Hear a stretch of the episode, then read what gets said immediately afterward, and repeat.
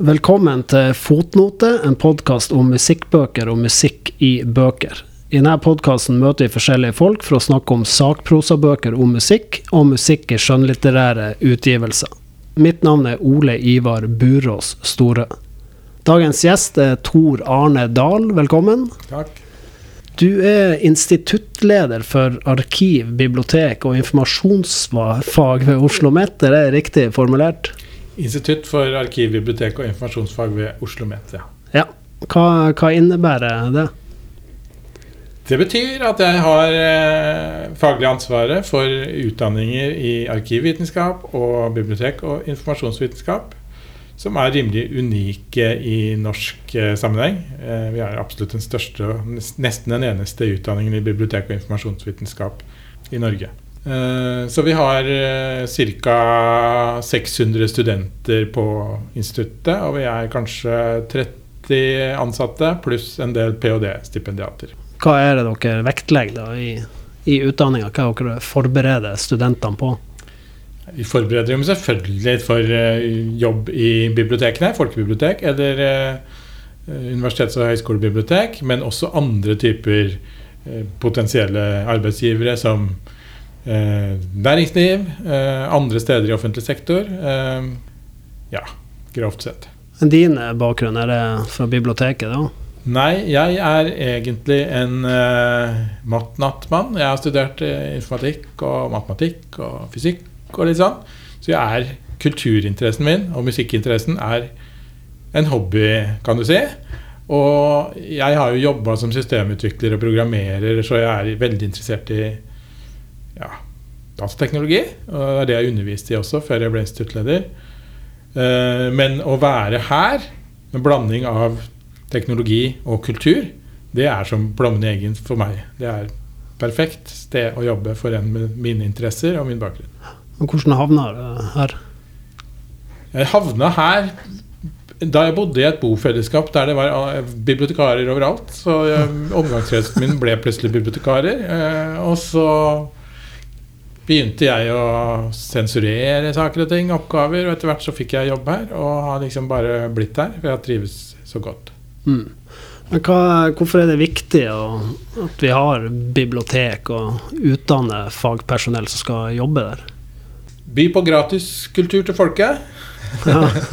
av alle typer. Det er en viktig del, og som også skal da vise bredden av uh, litteratur, musikk uh, Ulike typer kulturuttrykk som fort kan forsvinne inn i hva skal man si da, litt sånn standardiserte algoritmeanbefalinger og sånne ting. Så har vi folk som klarer å vise bredden av kulturlivet, da. Mm. Det er litt som eller kulturuttrykkene, vil jeg si. Har du noe eh, favorittbibliotek sjøl, her i Norge og utenlands? Nei, det må med skam melde at jeg er ingen stor bibliotekbruker. Jeg er en som uh, kjøper bøker og kjøper uh, digital musikk. Så Men uh, ja, Ny er jo fantastisk. Mm, ja, det er helt utrolig bra. Og Oslo Met-biblioteket er jo fint, får jeg si det. ja, ja, det må jo trekke fram det òg. Jeg syns jo det er flere bibliotek som er blitt attraktive de siste årene rundt ja. omkring. Hvor viktig er det at uh, bibliotekrommet og bygget er liksom attraktivt og tilgjengelig?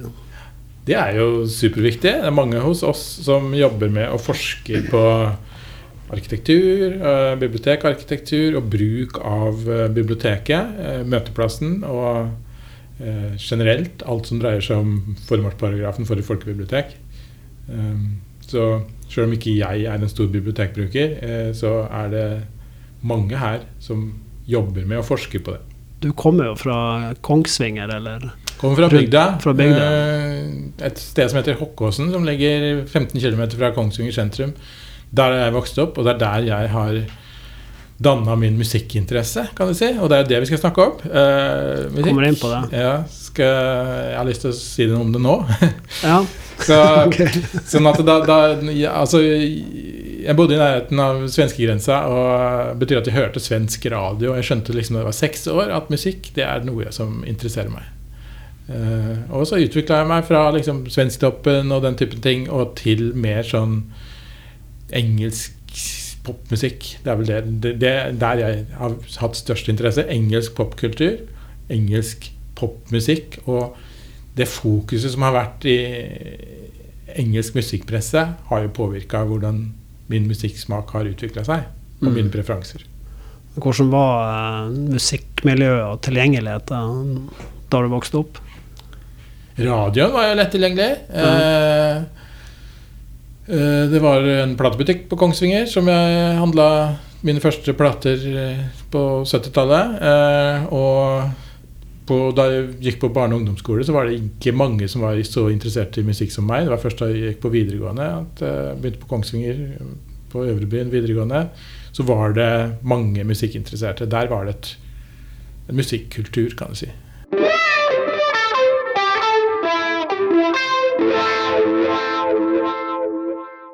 Vi skal komme litt inn på um, ferden videre. Vi skal snakke om uh, ei bok som heter A Hidden Landscape Once a Week, med den lange undertittelen The Unruly Curiosity of the UK Music Press in the 1960s to 80s in the words of those who were there. Du var kanskje ikke akkurat der, men uh, kan du gi oss en kort intro om altså, hvilken bok er det her? Nei, jeg var ikke der, men eh, jeg betrakta det jo fra, først fra Kongsvinger og deretter fra Oslo, særlig på 80-tallet. Altså engelsk eh, musikkpresse. Den boka her er en antologi som bygger på en konferanse som ble arrangert på University of London i 2015, der han Mark Sinker, som er redaktør av boka, Mm. eh, arrangerte den konferansen og inviterte bidragsytere og folk til paneldebatt. Og de han inviterte, var typisk folk som hadde vært sentrale personligheter i engelsk musikkpresse på ja, fra 60 til 1985, som er sluttpunktet for den eh, Altså den boka her prøver å gi en historisk oversikt over engelsk musikkpresse og hvordan den utvikler seg mellom ja, fra tidlig 60-tall til 1985. Og det er ikke sånn at musikkpressen i England stoppa opp da, men den boka her konstaterer at det var et sluttpunktet for en eller annen fase da uh, The Curiosity da, for sett og vis av eh, UK Music Press var uh, levende. Mm.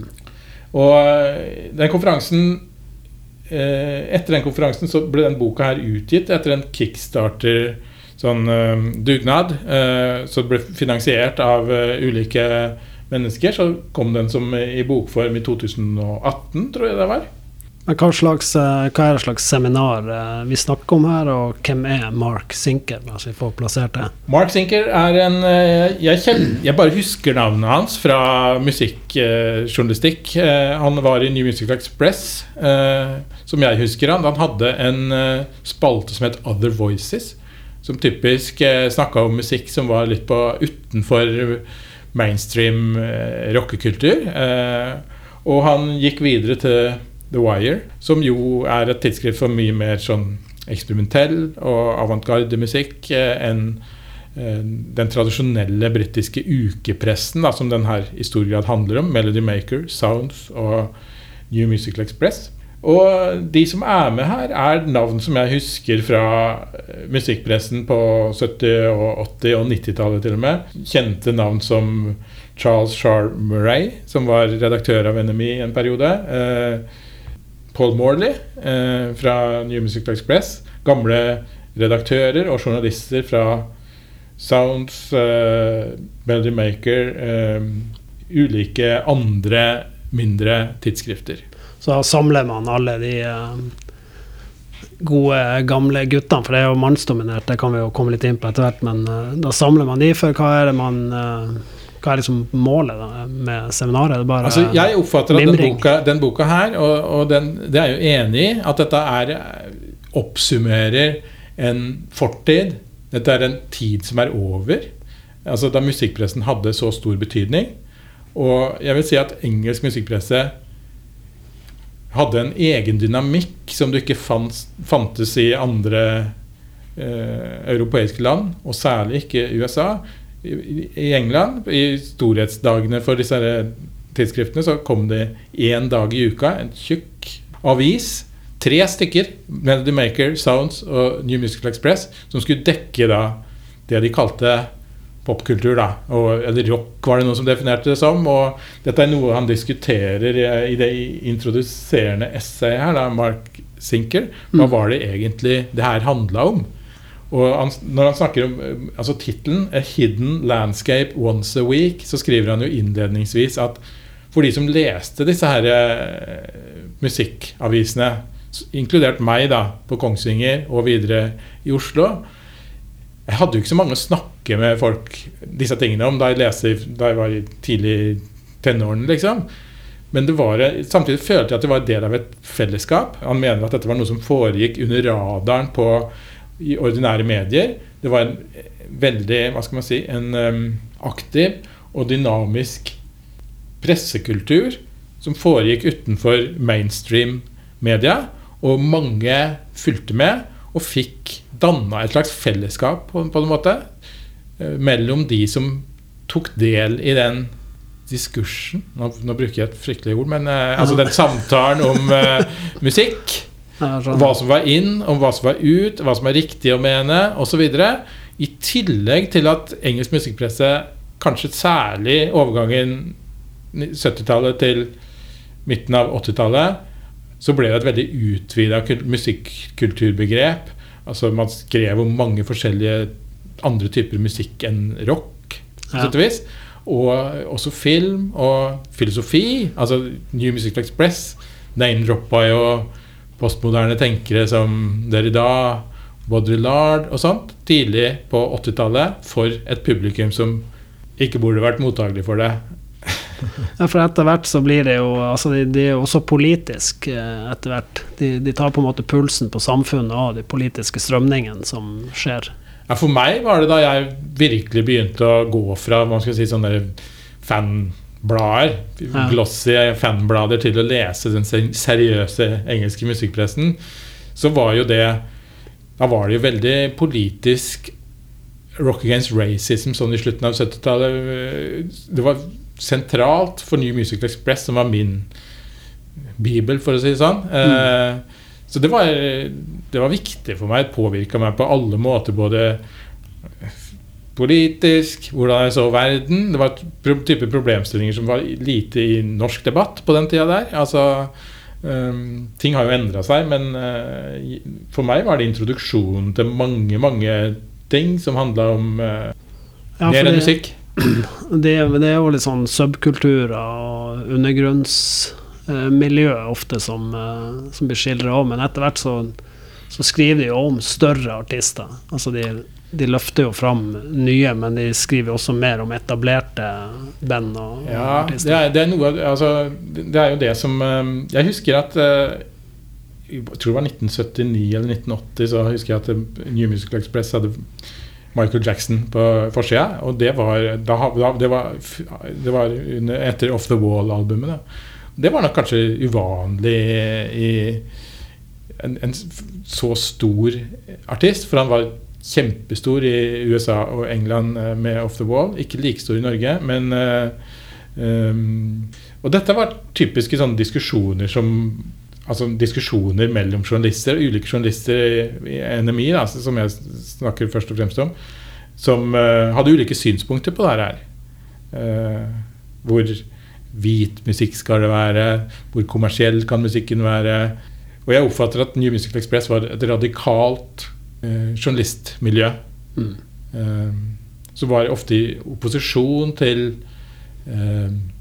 mer sånn etablert eh, kanonrock.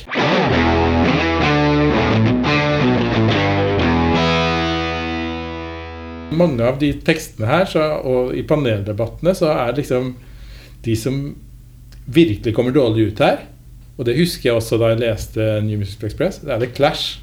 Ja, det har The Clash står uh, lavt i kurs i, hos de som diskuterer her. For at det var for det første De jobba hardt med å, være autentiske. Det var sånn som de ble sett på i England. Ja. Men så Joe Strummer hadde en fortid som pubrocker som ble brukt mot ham. Mm. Paul Morley sier jo at eh, Clash egentlig var et boyband. ja. Um, Litt sånn og- Porsche. Ja, og så at det, de, de, var, de var eh, opphengt i amerikansk rockemytologi, den amerikanske rocken, eh, som liksom De kunne konkurrere med Springsteen omtrent i eh, autentiske rockeuttrykk. Og det var jo det som ble kalt for rockisme da i, i New Music Express, blant de mest radikale røstene. Ja. Uh, altså de, de, de, fylte jo mer Sex Pistols, særlig John Lydon og Public Image Limited, og postpunk, som var en mer sånn uh, brudd med uh, tradisjonelle rockekulturen. og derfor så, i, særlig blant NMI-journalistene, så faller The Clash er ikke det litt sånn barnslig å ikke skal like The Clash, som jo er populært blant folk, og så skal du som skribent ikke De var jo ikke så populære altså de, de, Dette var jo før Sandinista. Altså Da snakker vi ja. om tidlig fase, ah, okay. da, da, det var uh, revolusjon i, på sett og vis i, i England. Uh, og da Public Image starta, altså Metalbox var liksom en sånn andre albumet til uh, Public Image, der de massevis av dub-inspirerte lydbilder og ikke så Hva skal vi si uh, Ikke så lett tilgjengelig musikk. Inspirert av krautrock og dub, reggae, den type ting. Så gikk de en helt annen vei enn Clash gjorde, som gikk fra punken og over i gubberocken, for å, for å sette på spissen.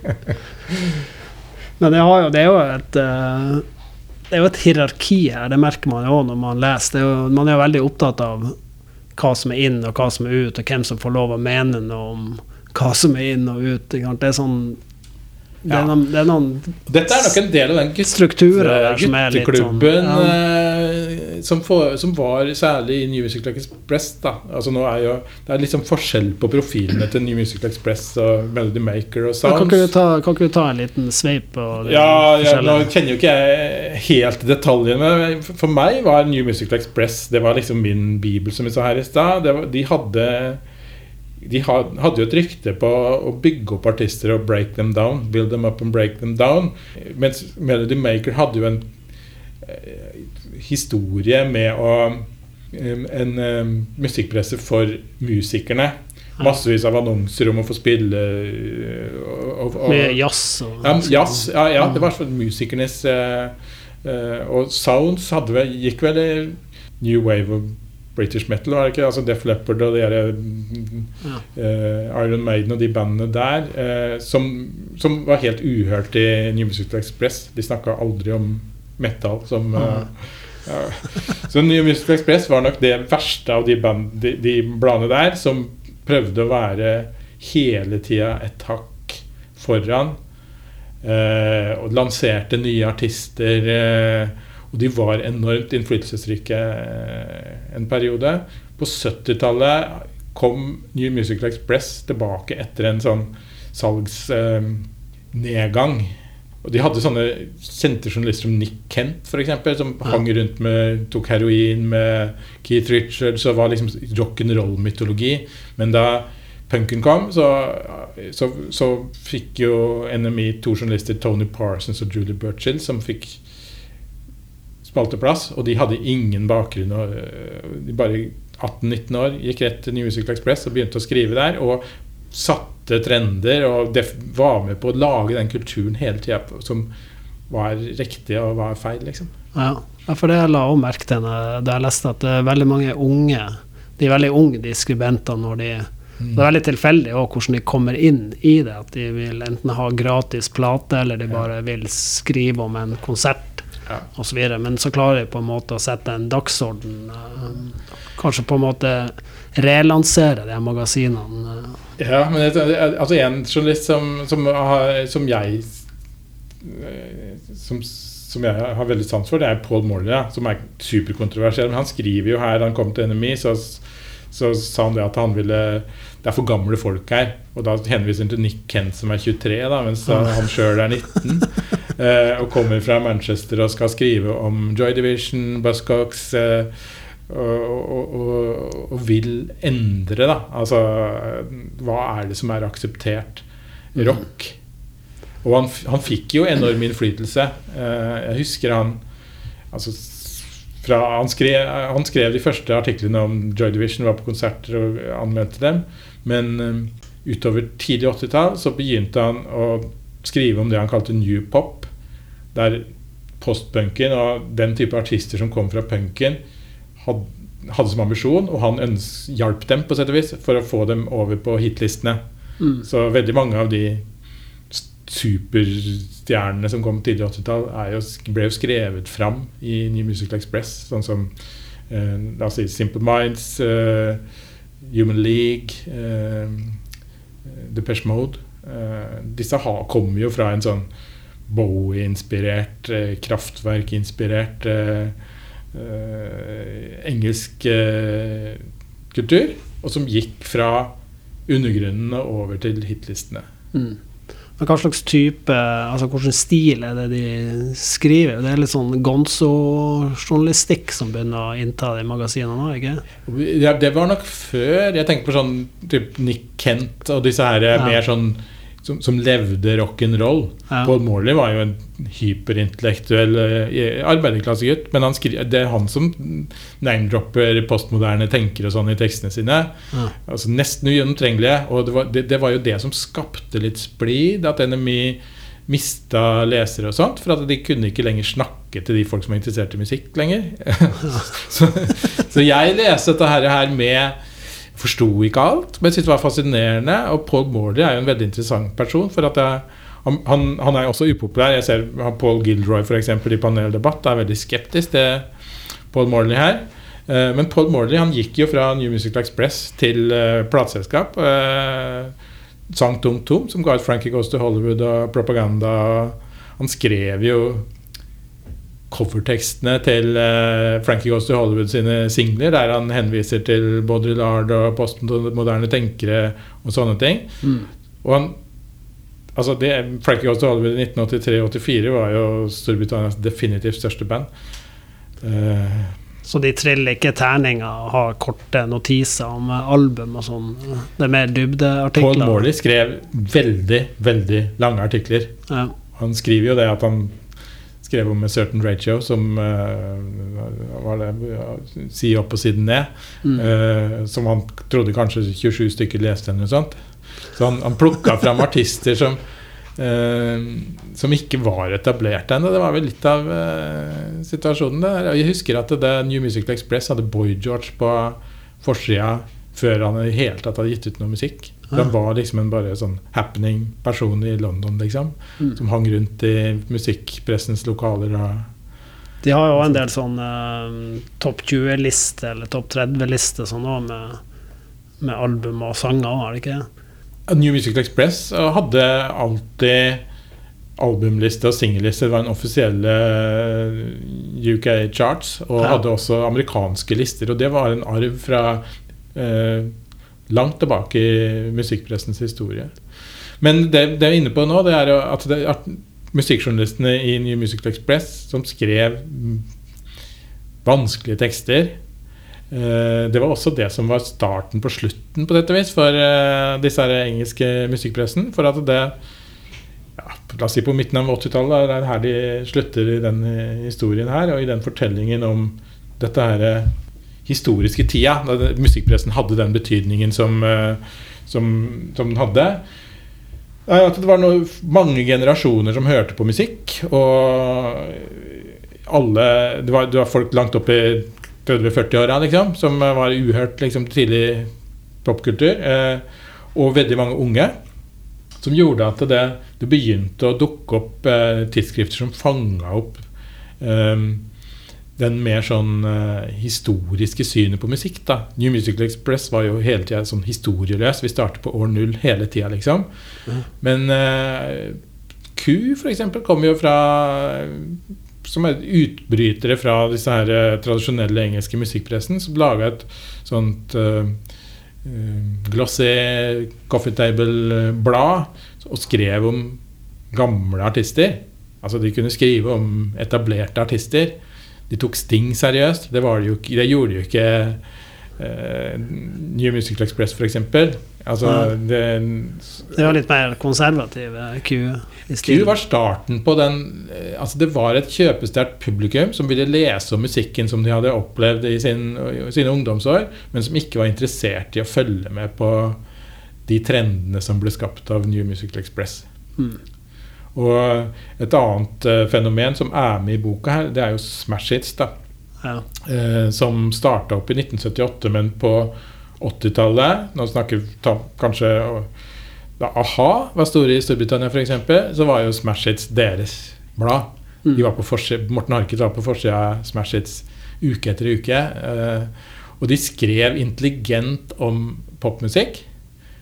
Så eh, i den boka her så har Bob Stanley fra, fra Saint Etienne, eh, som også har gitt ut den boka som heter Yeah, yeah, yeah, eh, History of Modern Pop, eller noe sånt. Eh, han er jo en, en av de få eksemplene på en eh, musikkinteressert, musikknerd, musikkjournalist-type som klarer å lage bra musikk. Ja. Men han skriver om smash hits, som han mener, som vi snakka om Paul Morley, at han, når han begynte å skrive om new pop, så var jo smash hits det stedet som var den naturlige etterfølgeren av det Morley begynte med i New Musical Express. Eh, Men er det ikke litt lavere aldersgruppe, altså målgruppa? Ikke mer tenåringer? Smash Hits skrev for unge folk, men det var skrevet av journalister som hadde bakgrunn i Så, så det, var, det var noe som skjedde der. At det Altså, man skal si Det var flere typer publikum for musikkpressen, som uh, Q for uh, voksne, Smash Hits for uh, unge, så typisk sånn 80-tall, mer mindre postpunk, depresjoner og traumer. Nå skal det være mer sånn det glade livet, champagne Feel good? Ja, feel good, Mm. som liksom er det som man tenker på på 80-tallet. Liksom under jappetid, folk ble Ja. mer penger, eh, frislepp av mye ting som var regulert før. Så smash hits og den type pop Jeg føler det var litt sånn som topp eh, som i Norge. Ja, men jeg tror, jeg tror nok eh, ja, Topp var nok også, hadde nok også journalister. Finn Bjelke og Jan Friis skrev kanskje der. Mm. Jeg tror Ja, det var gode eh, Altså sånn smarte journalister. Da. Det var, det var, og, og Smash Hits var sånn. Mm. Bob Stanley skriver jo en veldig sånn hyllest til Smashes og de journalistene som var der da, og skrev om popmusikk. Mm. Det er i det essayet som heter 'Without feeling the need to justify its stance'. Det er det du snakker om. Ja, det er det jeg snakker om. Det er kort essay på fem sider. Eh, og, og den boka her består jo da av den typen tekster skrevet av enkeltjournalister som skriver om ulike aspekter ved musikkpressen. Men så er det også transkriberinger av en del av de paneldebattene som foregikk eh, på den konferansen. Eh, og der får de noen interessante ulike perspektiver. Ja, det er jo et panel med Paul Morley, John Ingham, Barney Huskins. Det er jo der de er veldig sånn uh, anti-clash. Ja, De konkurrerer om å mislike de mest. Ja, det er litt, det er litt sånn. Også det, er, eh, det er også et esse. Dette er på sett og vis gutteklubben eh, fra Sounds og New Musical Express og, og Melody Maker, som Mm. snakker om gullalderen, når de holdt på og hadde makt Mm. til å definere eh, hva som var viktig. Og, og, og Paul Morley sier jo ting der som Paul Gilroy i siste panel kaller han for innbilsk og eh, stormannsgal. For han ville endre verden. Så, så det, det kapitlet er jo morsomt å lese, på sett og vis, men det er jo Det er jo gutter. Det er menn. Hvite menn som uh, Altså fikk dominere mye Ja. av uh, hva folk skulle høre på. Ja. Hvor, hvor var de kvinnelige skribentene, og hvor var magasinene som skrev om kvinner, svart det var jo musikk? kvinnelige journalister i disse bladene. Var det, jo, det var det jo alltid. Ja. Uh, I New Musical Express, Chrissy Hyde fra Pretenders for eksempel, skrev jo New Musical Express eh, tidlig. Eh, I den siste kapittelet her, som er kanskje er den som løfter dette her eh, til et politisk perspektiv på hvordan dette her pågikk, og, og sånne ting. Der har du jo Cynthia Rose, som skrev i New Musical Express kanskje på 80-90-tallet. Og det var Paul Gilroy, og, som er en akademiker i dag. Han skrev jo om, eh, om eh, svart musikk, særlig, i, fra Storbritannia på musikkpressens gullalder. Og fikk jo Holbergprisen i, i fjor, var det vel. Eh, og så har du Penny Reel, som er en veldig interessant person. Han skrev om reggae. Det husker jeg fra New Musical Express. Skrev om reggae-musikk. Eh, han var en hvit arbeiderklassegutt som skrev bare om eh, reggae. Eh, og det betyr at reggae hadde en, alltid en sånn eh, stor eh, stort publikum. Da. Altså Det ble sett på som innafor den der diskusjonen om altså engelsk, hva, er, hva er det som er innafor, og hva er utafor den der hidden landscape av den fellesskapet som ligger i musikkpressen. da og det panelet ledes jo av Simon Frith, som igjen er en akademiker som Han er professor under sånn Cultural Studies et eller annet sted. Så disse bringer da inn og løfter blikket og ser på hvordan musikkpressen, særlig på 70- og 80-tallet, utvikla seg. Og betrakter det fra et sånt outsider-perspektiv. Altså som du sier om kvinner, svart musikk, eh, sånne ting som ikke blir problematisert i den diskusjonen mellom Paul Morley og Barney Hoskins og eh, John Ingham. Mm. Men er, du har jo Black Music Magazine. De skrev vel om svart musikk? Okay? Jo da.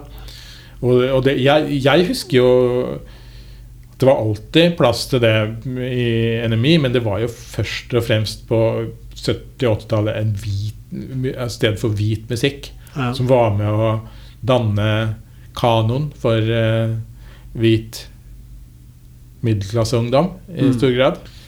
Men dette endra seg jo eh, etter den perioden her. På, var, altså, altså hiphop, rap, fikk jo en mye større plass uh, utover 80- og 90-tallet i NMI og særlig. Og så før det retarderte, vil jeg si, til sånn engelske lads etter britpopen, så ble jo altså New Music Express holdt jo på til langt inn på 2010-tallet. Ja. Uh, men det ble jo etter hvert liksom bare hvite gutter ja, altså, unge, uh, unge, mannfolk som gikk på puben og var inspirert mm. av Oasis. Det er det jeg kaller uh, en sånn um, retardering, da, på noe vis. Og det er Oasis, kan du si, for meg i hvert fall. De er liksom den absolutt bunnpunktet i engelsk popkultur. Syns det, ja. ja. Kom seg aldri Kom seg aldri etter det. For ja. I, i de glansårene til New Music Express, og det står det jo her også, da, og, eller engelsk musikkpresse generelt, så var det jo David Bowie som var liksom eh, han var en katalysator for veldig mye av det som skjedde.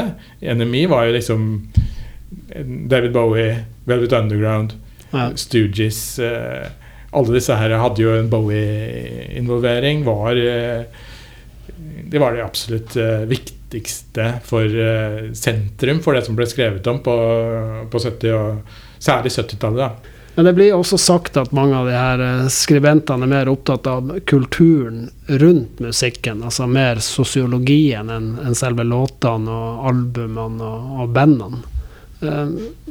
Hva bunner det i, og er du enig i en sånn antakelse? Jeg tror nok journalistene var genuint opptatt av uh, musikk og ekte glede over god musikk. Men de fikk en rolle som smakspåvirkere.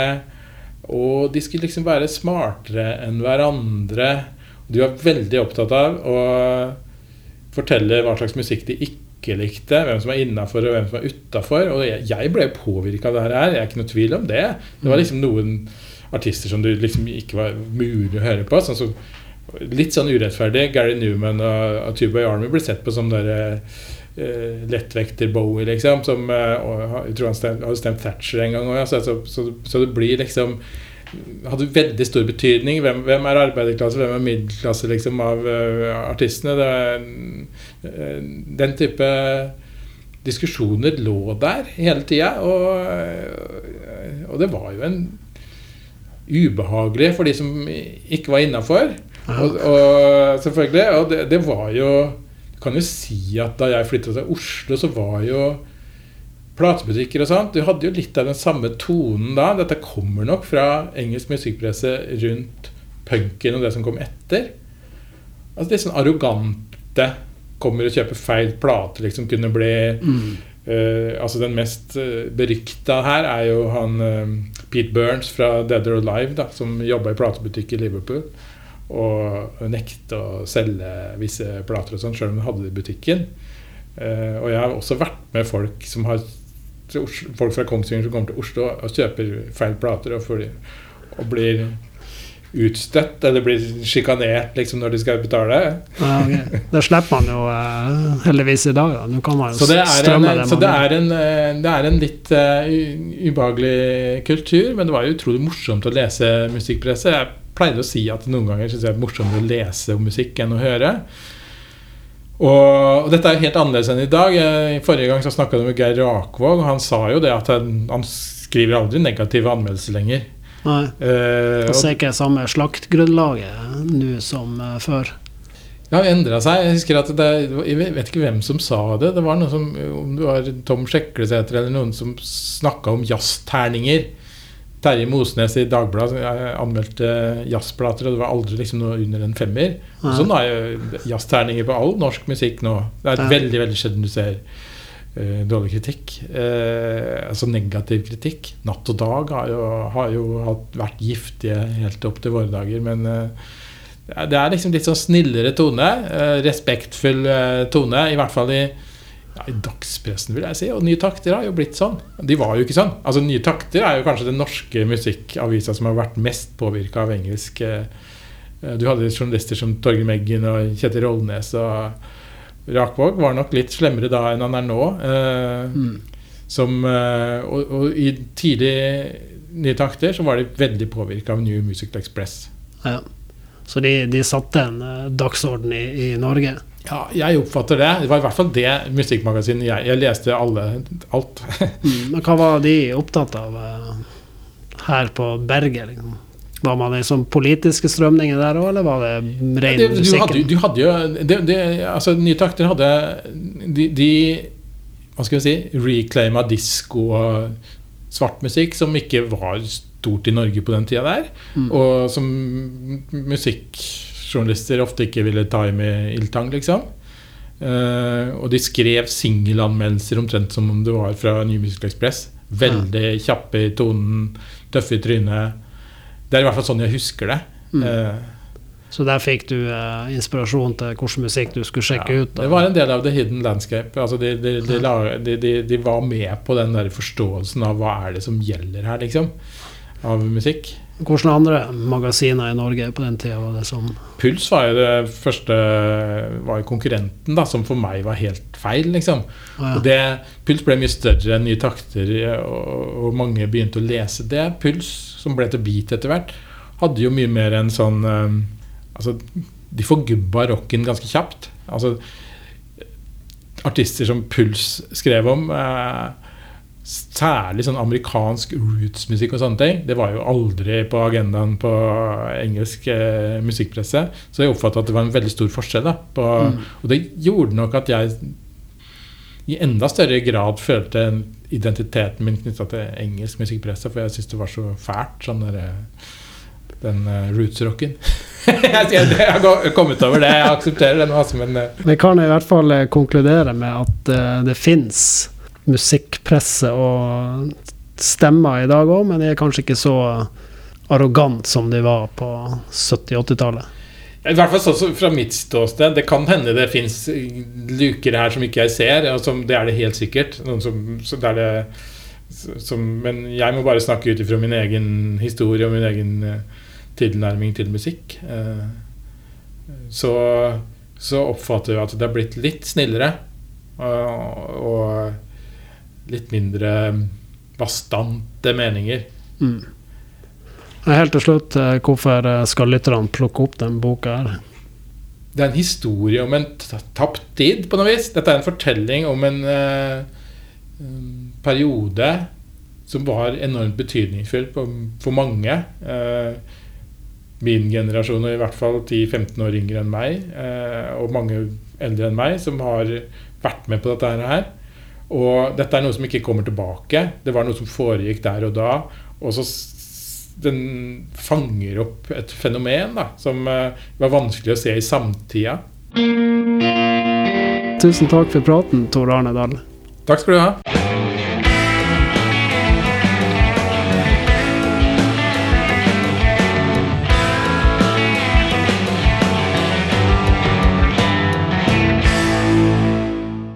Fotnote presenteres av musikknyheter.no og er laga av Ole Ivar Burås Store.